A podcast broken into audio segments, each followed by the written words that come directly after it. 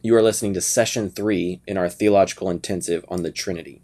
In this session, we focus on the third person of the Trinity, the Holy Spirit. Thanks for listening. You might think that that that's let's just say you think it's accidental, right? That he's not trying to make that he's not trying to change the Trinity. He's just using wrong language. Let's just let's just say that for a second. Uh, the problem is um, Steven Furtick was trained by a pastor who is of a denomination called Oneness Pentecostalism. That pastor's name is T.D. Jakes, who is a prosperity pastor, prosperity gospel pastor, who is also in a denomination where modalism is a part of their doctrine. Okay, Oneness Pentecostalism. All right, so modalism, they believe that the Trinity is different forms or modes of God. Okay? So this is not accidental what Furtick is doing, it's completely intentional. It's actually what he believes. And this is considered a Christian church. All right? So you have to be really careful when you hear stuff that terms matter, right? Words matter. And so just be aware um, subtle subtle language makes makes a very big difference, okay? So we're about to move into the Holy Spirit where Jesus does not change forms. He sends the third person of the Trinity. Okay, there is a distinct person that is sent for a very distinct reason. Okay, so let's jump into our third session here. Um, let's talk about the Holy Spirit. The Holy Spirit, the title of the Holy Spirit refers only to the third person of the Trinity only. All right, so number one, the Holy Spirit is the third person of the Trinity, co equal with the Father and Son in glory, power, and authority. He is called the Spirit of the Father in Matthew 10 20. He's often referred to as the Spirit of God in Romans 8 9, and also the Spirit of the Son. Okay? So you have the Spirit of the Father and the Spirit of the Son. In Romans 8 9, he says, uh, You, however, are not of the flesh, but are in the Spirit. If, in fact, the Spirit of God lives in you, dwells in you, anyone who does not have the Spirit of Christ Oh, different title. Spirit of Christ does not belong to him. So that he is the Spirit of Christ, he's also the Spirit of the Father.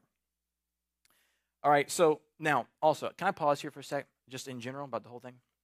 So we're talking about a really big concept with a lot of rabbit trails. Okay.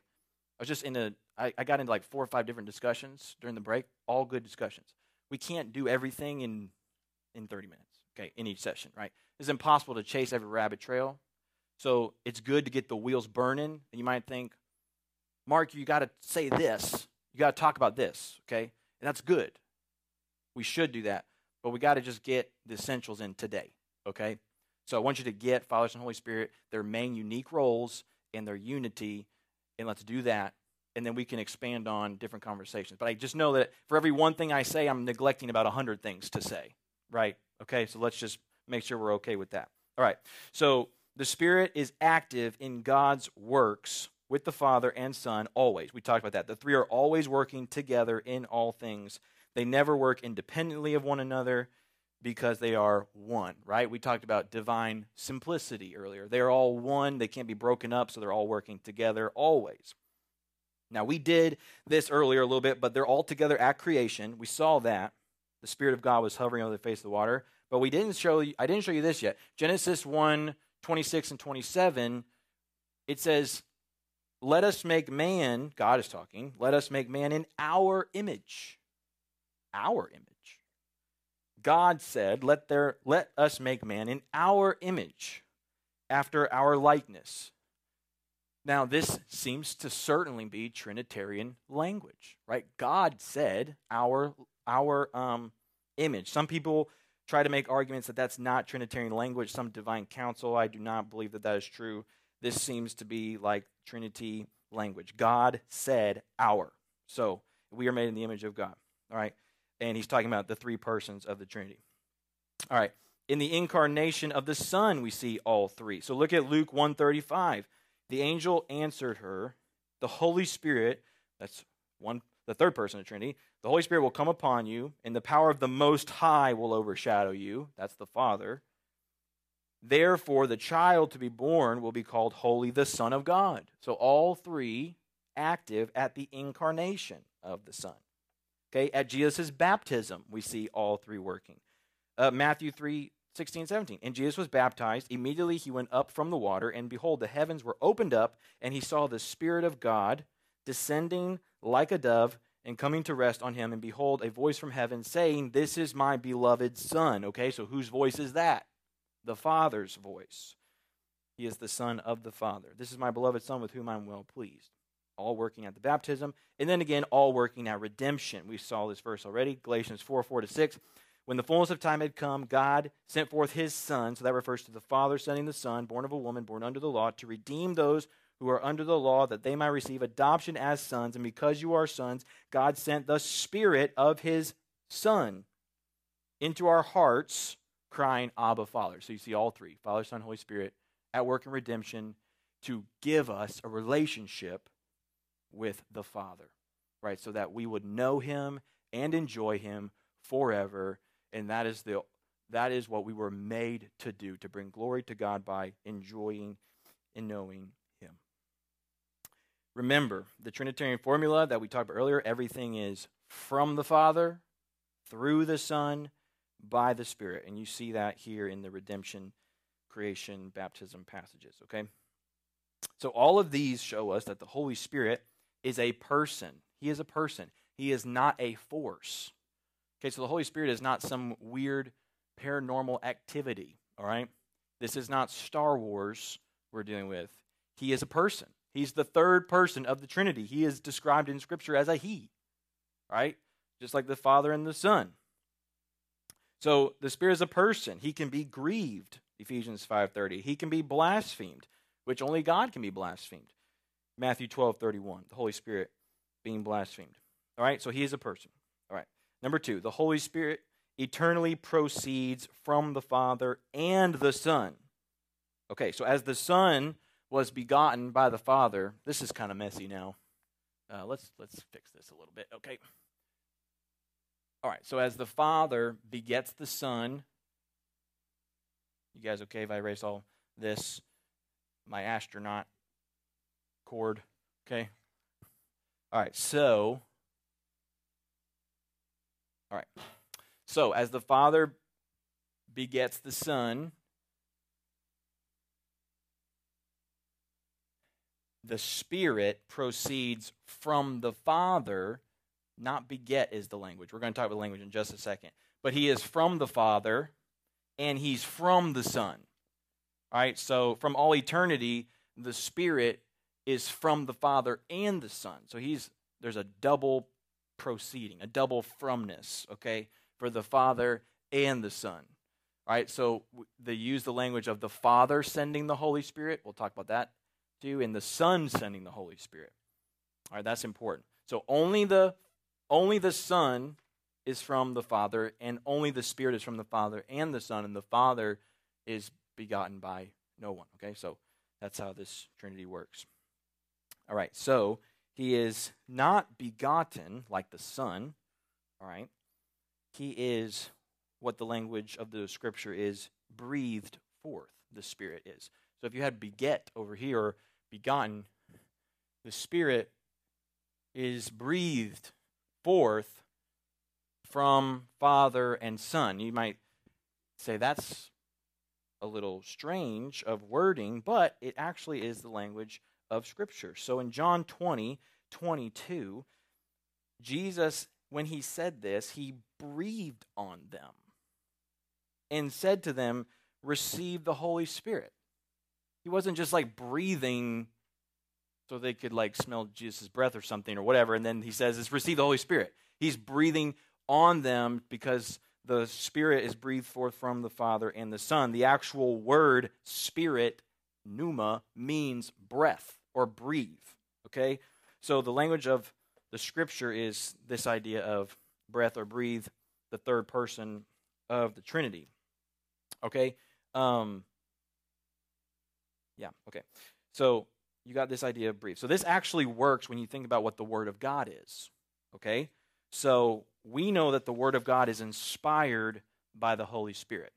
Okay, that's what we would say. Inspired by the Holy Spirit. 1 Peter 1 21 says, No prophecy was ever produced by the will of man, but men spoke from God as they were carried along by the Holy Spirit. Okay, so the word is from the Spirit. And then in 2 Timothy 3:16, what is the language there?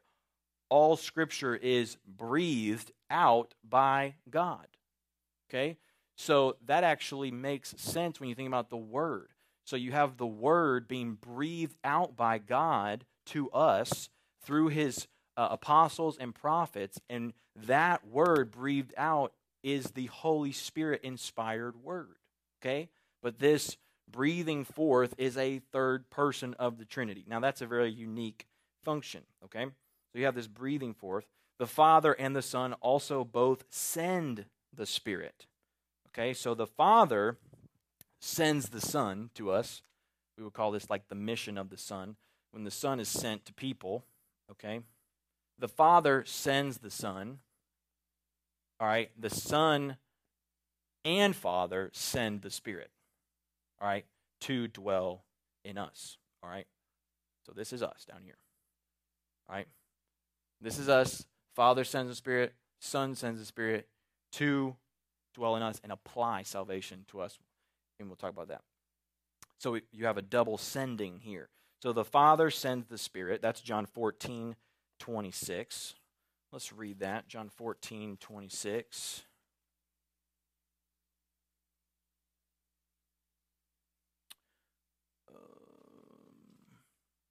But the Helper, the Holy Spirit, whom the Father will send in my name.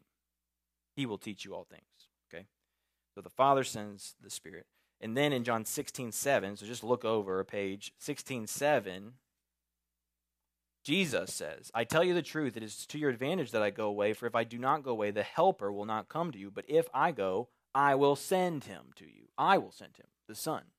So you have double. You have the Father sending, the Spirit sending. So the Spirit is on a mission and he's doubly sent. Okay? And he is sent.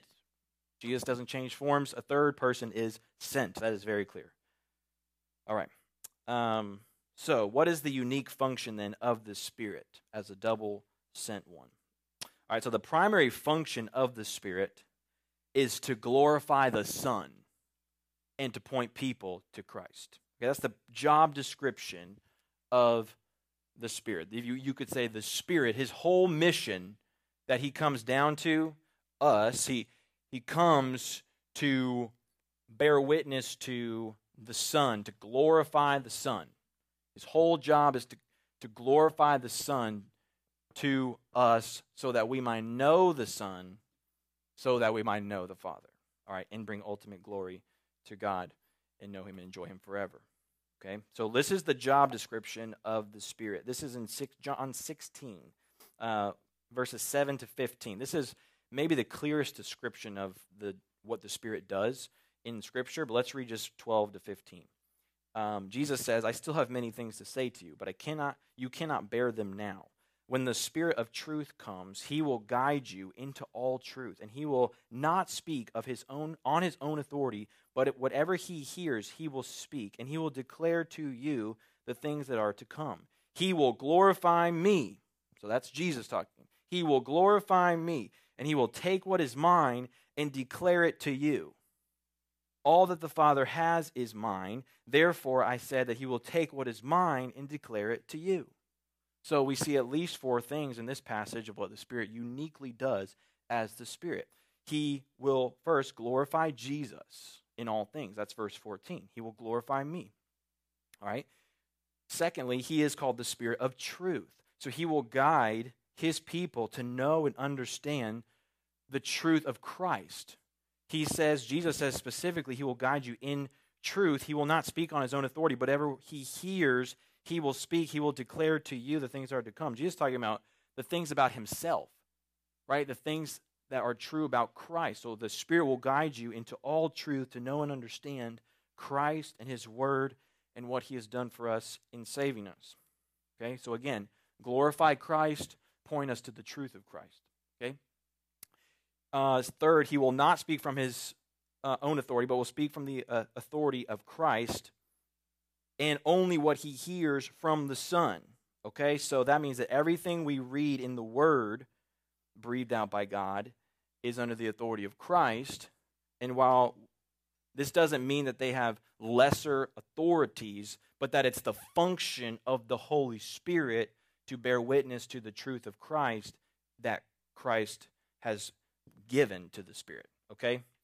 All right, so if you were to like track this, the fourth thing is that the Father gave all that he had to the Son, the Son gives all that he has to the Spirit, and the Spirit gives all the benefits of the Son to us. Okay, so if you were to track it, you'd say all that the Father has, right, he gives to the Son, and all the Son has, he gives to the Spirit, and then all that the Spirit has, which is the Son's, he gives to us. All right? So what the Spirit has, you know, in his suitcase is everything that the Son has, and he gives it to us so that we might know the Son, know the Father, know him and enjoy him and glorify him forever. Okay? So that's the Spirit's job.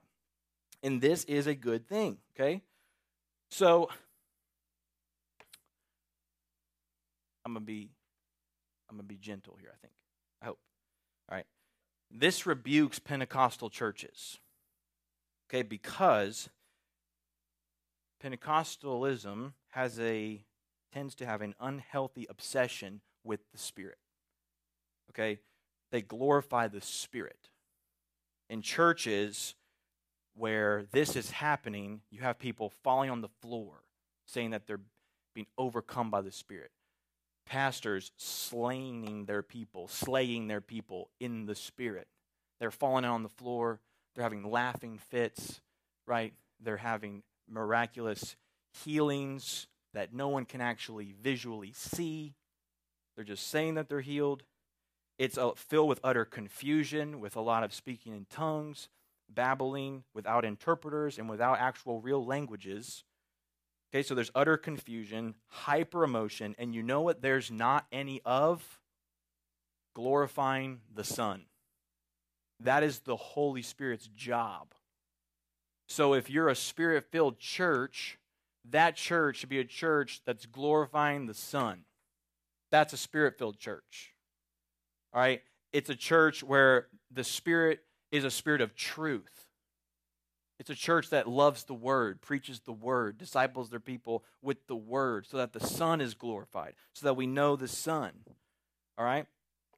It's a place where um, the Spirit of God is not does the the spirit working in a church does not look like people slain in the spirit on the floor. It looks like a church where Bibles are in the lap writing notes just like you are. It's a place where people are being discipled by one another. It's a place where they're forgiving each other, loving each other, confessing sin to each other. It's a place where there's a spirit the spirit is moving and he's a spirit of truth so we would know the son and glorify God through the Son. That's a spirit filled church, not hyper emotionalism, okay? Not hyper emotion where we think we just need an emotional experience, okay?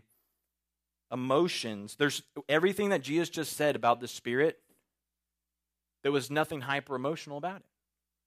It was truth, truth, Jesus being glorified. All right?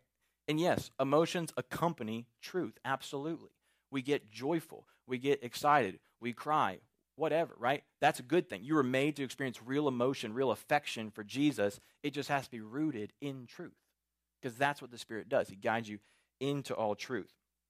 So, um, I got to tell you this funny story, I think. Um, when I was in kindergarten, I lived in New Hampshire, and um, there's not a lot of good Christian schools in New Hampshire. Okay, pretty pretty void place of the gospel. And um, my dad was a Southern Baptist pastor, and and he still is. But we went to this. They put us in this um, Assembly of God school, okay, Pentecostal school, and because uh, there was really no other place to go, right? So so we go into this school, and we were in there for I don't know how long we'd been in there for the year. We'd been in there for less than a year, and they had chapel every week.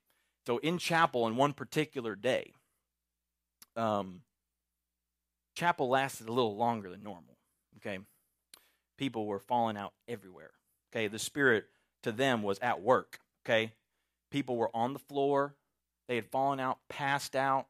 All right, there's laughing fits. It was like it was utter confusion. The room was in utter chaos. All right, people are on the ground. All the kids at the school, elementary kids, are walking around unattended by their teacher because their teacher is sprawled out on the ground. And it had been two and a half hours this went on. Two and a half hours. We were supposed to go back to class. We're all wandering on the chapel and the school. And the kids are left unattended. I was like walking around totally lost. I was walking around putting my head up to the speaker in front of the stage. I don't know why, but I was doing that. My sister, my sister Amy was walking around picking up people's tissues. And so clearly we were not filled with the Spirit. Something happened. We didn't know the Spirit at all on that day. We were walking around like, what is happening? We're not going back to class. Anyways, needless to say, that was our last day in that school. My dad, Southern Baptist pastor, marched up to the office and he was not happy. Okay. He took us out of that school. We never went back. That's my story. Okay. So that is an example of is that really the Spirit at work? Or is the Spirit working look a lot different? It looks like Jesus being glorified. That's what it looks like in his people. Okay? All right. That's enough about that. All right. So, number four, this, it is the Spirit that applies salvation to God's people. It is the Spirit that applies, that's number four, right? Yeah, it is the Spirit that applies salvation to God's people. We are born again by the Spirit. Born again. So, uh, John 3, 3, uh, 3 through 8, but this is just 7 to 8.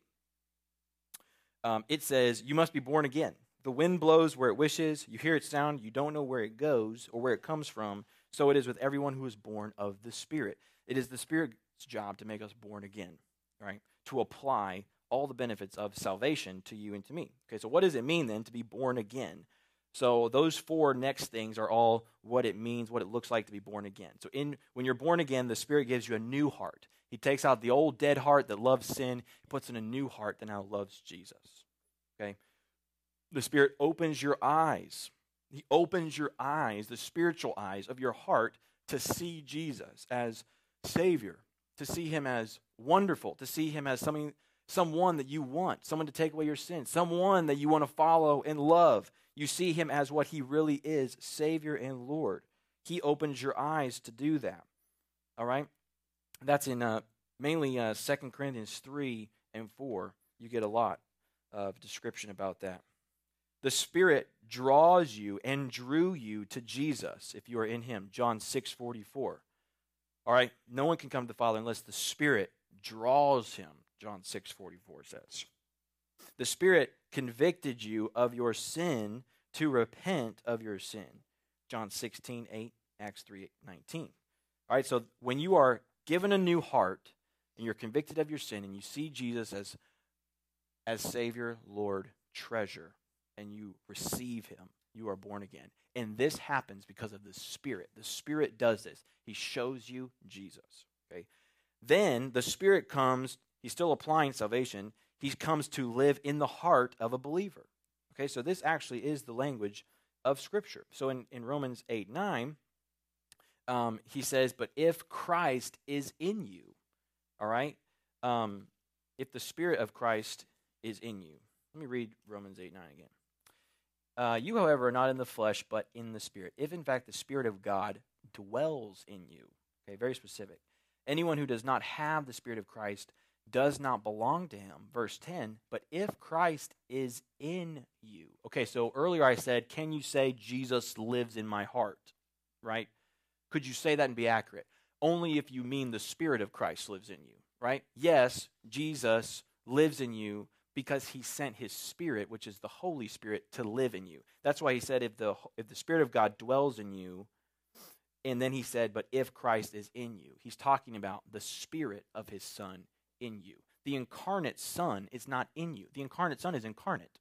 He is sitting at the right hand of god okay? So when you say christ is in my heart you mean the holy spirit is in my heart Christ's spirit is in my heart, right? He comes to dwell in a believer, overtake them, make them righteous, begin to make them like Christ. Okay, so a little clarity on that. The Spirit also seals us for heaven, right? So Ephesians, go to Ephesians 1 13.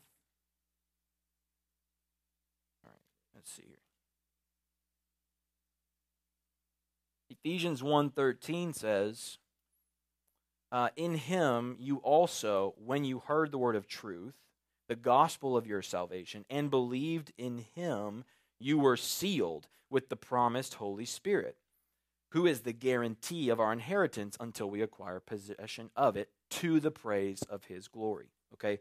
So you have uh, a sealing for your inheritance, which is heaven, everything that belongs to Christ belongs to you. You're sealed for that by the Spirit. So the Spirit comes into your life, He locks the door from the inside, He never leaves. Okay, you cannot lose your salvation because of the Spirit. Aren't you glad about that? The Spirit seals us so we're secure. He's also called the Spirit of adoption to give us assurance that we are the children of God. Okay, so Romans 8:15 he's actually called the spirit of adoption. Um, if you actually look, uh, yeah, Romans, yeah, Romans 8. If you look at Romans 8:15, it says, "For you did not receive the spirit of slavery to fall back into fear, but you received the spirit of adoption as sons, by whom you cry, Abba, Father." This the phrase "spirit of adoption" is capitalized in spirit, the word spirit. So that means that the, that's a title for the spirit the Spirit is a spirit of adoption. The Spirit is the one who applies adoption to you so that you will have the Son to then now call God the Father, Abba Father. All right? So he's a spirit of adoption, and that means that you now have assurance. So if you were to go back in verse 14, all those who are led by the Spirit of God are sons of God. Okay? In verse 16, the Spirit himself bears witness with our spirit that we are children of God. So he gives us assurance. All right. And that's that that's different than security, right? They're they're related, but they're two different things. You are secure and then the spirit gives you assurance, like a like an understanding, a confidence in Christ that you belong to him. Okay. Um, number five, the spirit helps us obey in the Christian life, and he conforms us into the image of Christ. So this is the actual goal and duty also of the spirit in us the goal of the Spirit in you is to make you like Jesus. Everything that happens to you that the Spirit does in you is to make you and conform you into the image of the Son.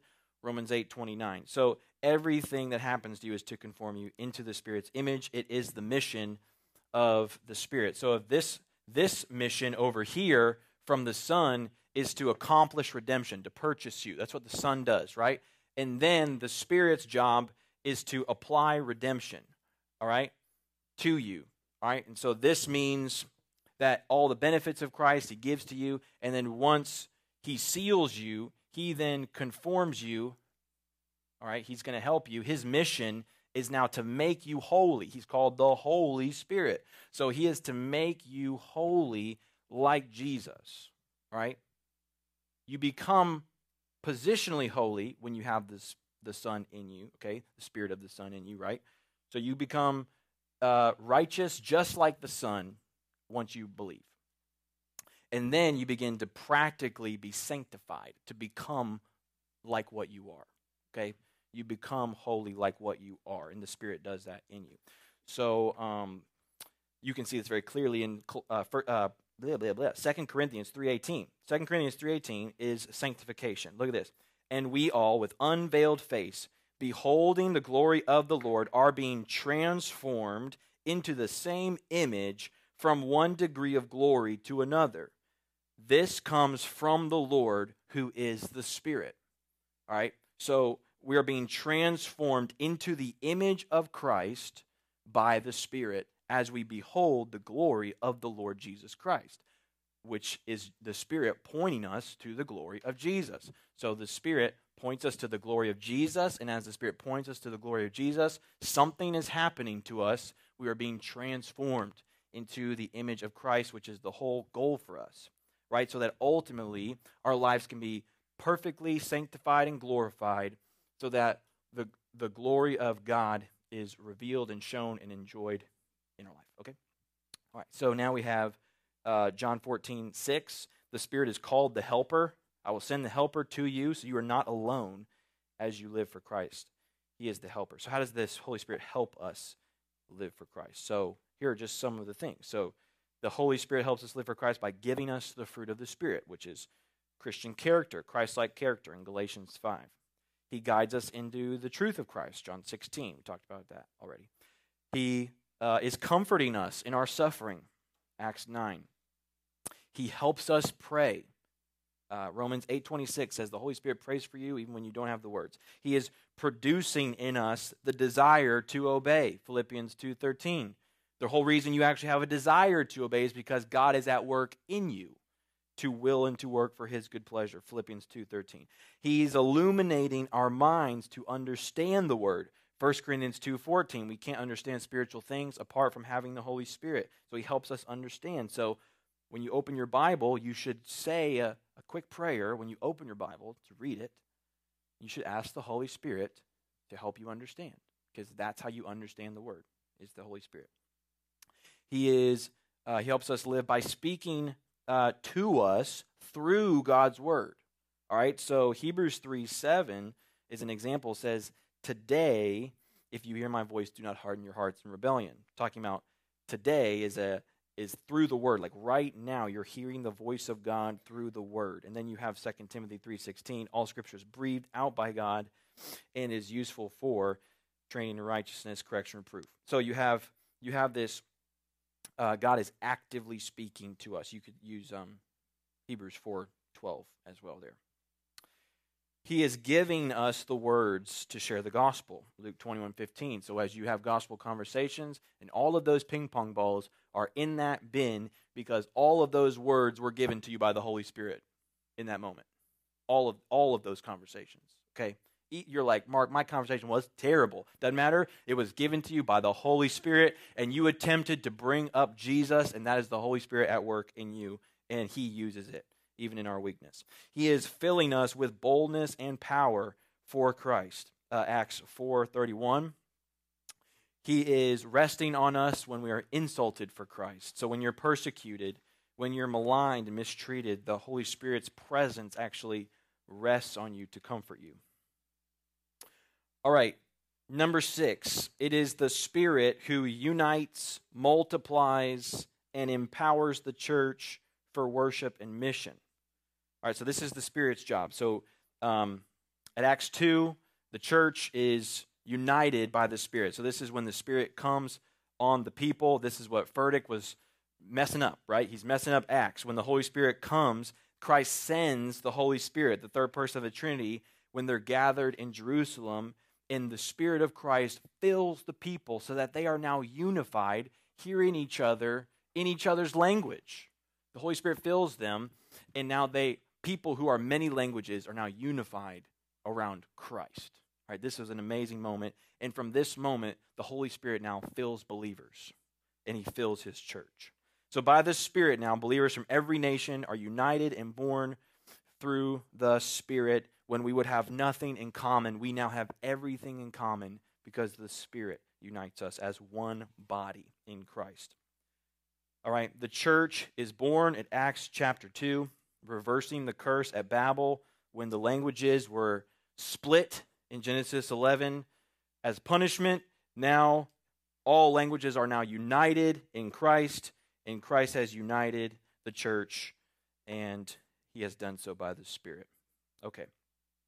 The church becomes the dwelling place, the temple of the Holy Spirit. So Ephesians 2 18 to 22 ends by saying, We are built together as a people, as a church, into a dwelling place for God by the Spirit. Here's what this means the Spirit is what unites us as a church, and we all have access to God, Ephesians 2 says. Access to God, equal access to God. We are a royal priesthood was talking about this in the break that what makes us different from Catholics is that we have the Spirit of Christ through the work of the Son, which allows us to have direct access to God. We do not go to a priest who then goes to God for us. We do not do that. We are the royal priesthood through the Spirit the Spirit allows us to have direct access to God. So, Ephesians, just go to Ephesians 2. I just need to stop talking about it, right? So, go to Ephesians 2. All right, so Ephesians 2, says in verse 18, For through him we both, this is Jew and Gentile, we both have access in one spirit to the Father. So we don't have to go through someone else. Because of the work of the Son through the Holy Spirit, we have access to the Father. He is our Father, right? Through the Spirit. We don't have to go through someone else. Right, the mediator, 1 Timothy, what was that? 1 Timothy 2 5. There is one mediator between God and man, the man Christ Jesus. Okay? One mediator. You don't we don't we don't go to mediators. Christ is our mediator. He has already done all the work in our place. So now we go directly to the Father through Christ by the Spirit's power. Okay, we have access to God. And then it says, So you are no longer strangers and aliens, but you are fellow citizens with the saints and members of the household of God. We are one people by the Spirit. All right? The Spirit fills the church with power to reach the world with the gospel. Acts 1 8, you will receive power when the Holy Spirit has come upon you, and you will be my witnesses in Jerusalem, Judea, Samaria, and to the ends of the earth. So we go to unreached places. We go to China, we go to Peru. Yes, we can even go to places like Russia with confidence because it is a mission that is empowered by the Holy Spirit of God. And we go as witnesses, we go boldly, we can go obediently, we can go confidently, we can go expectantly, knowing that God has given power to the mission to accomplish his purpose by the Spirit to gather a people for himself. Okay? So the Spirit is the power to gather his people, and we should expect him to gather his people. It is the mission of the Spirit to do this through his church.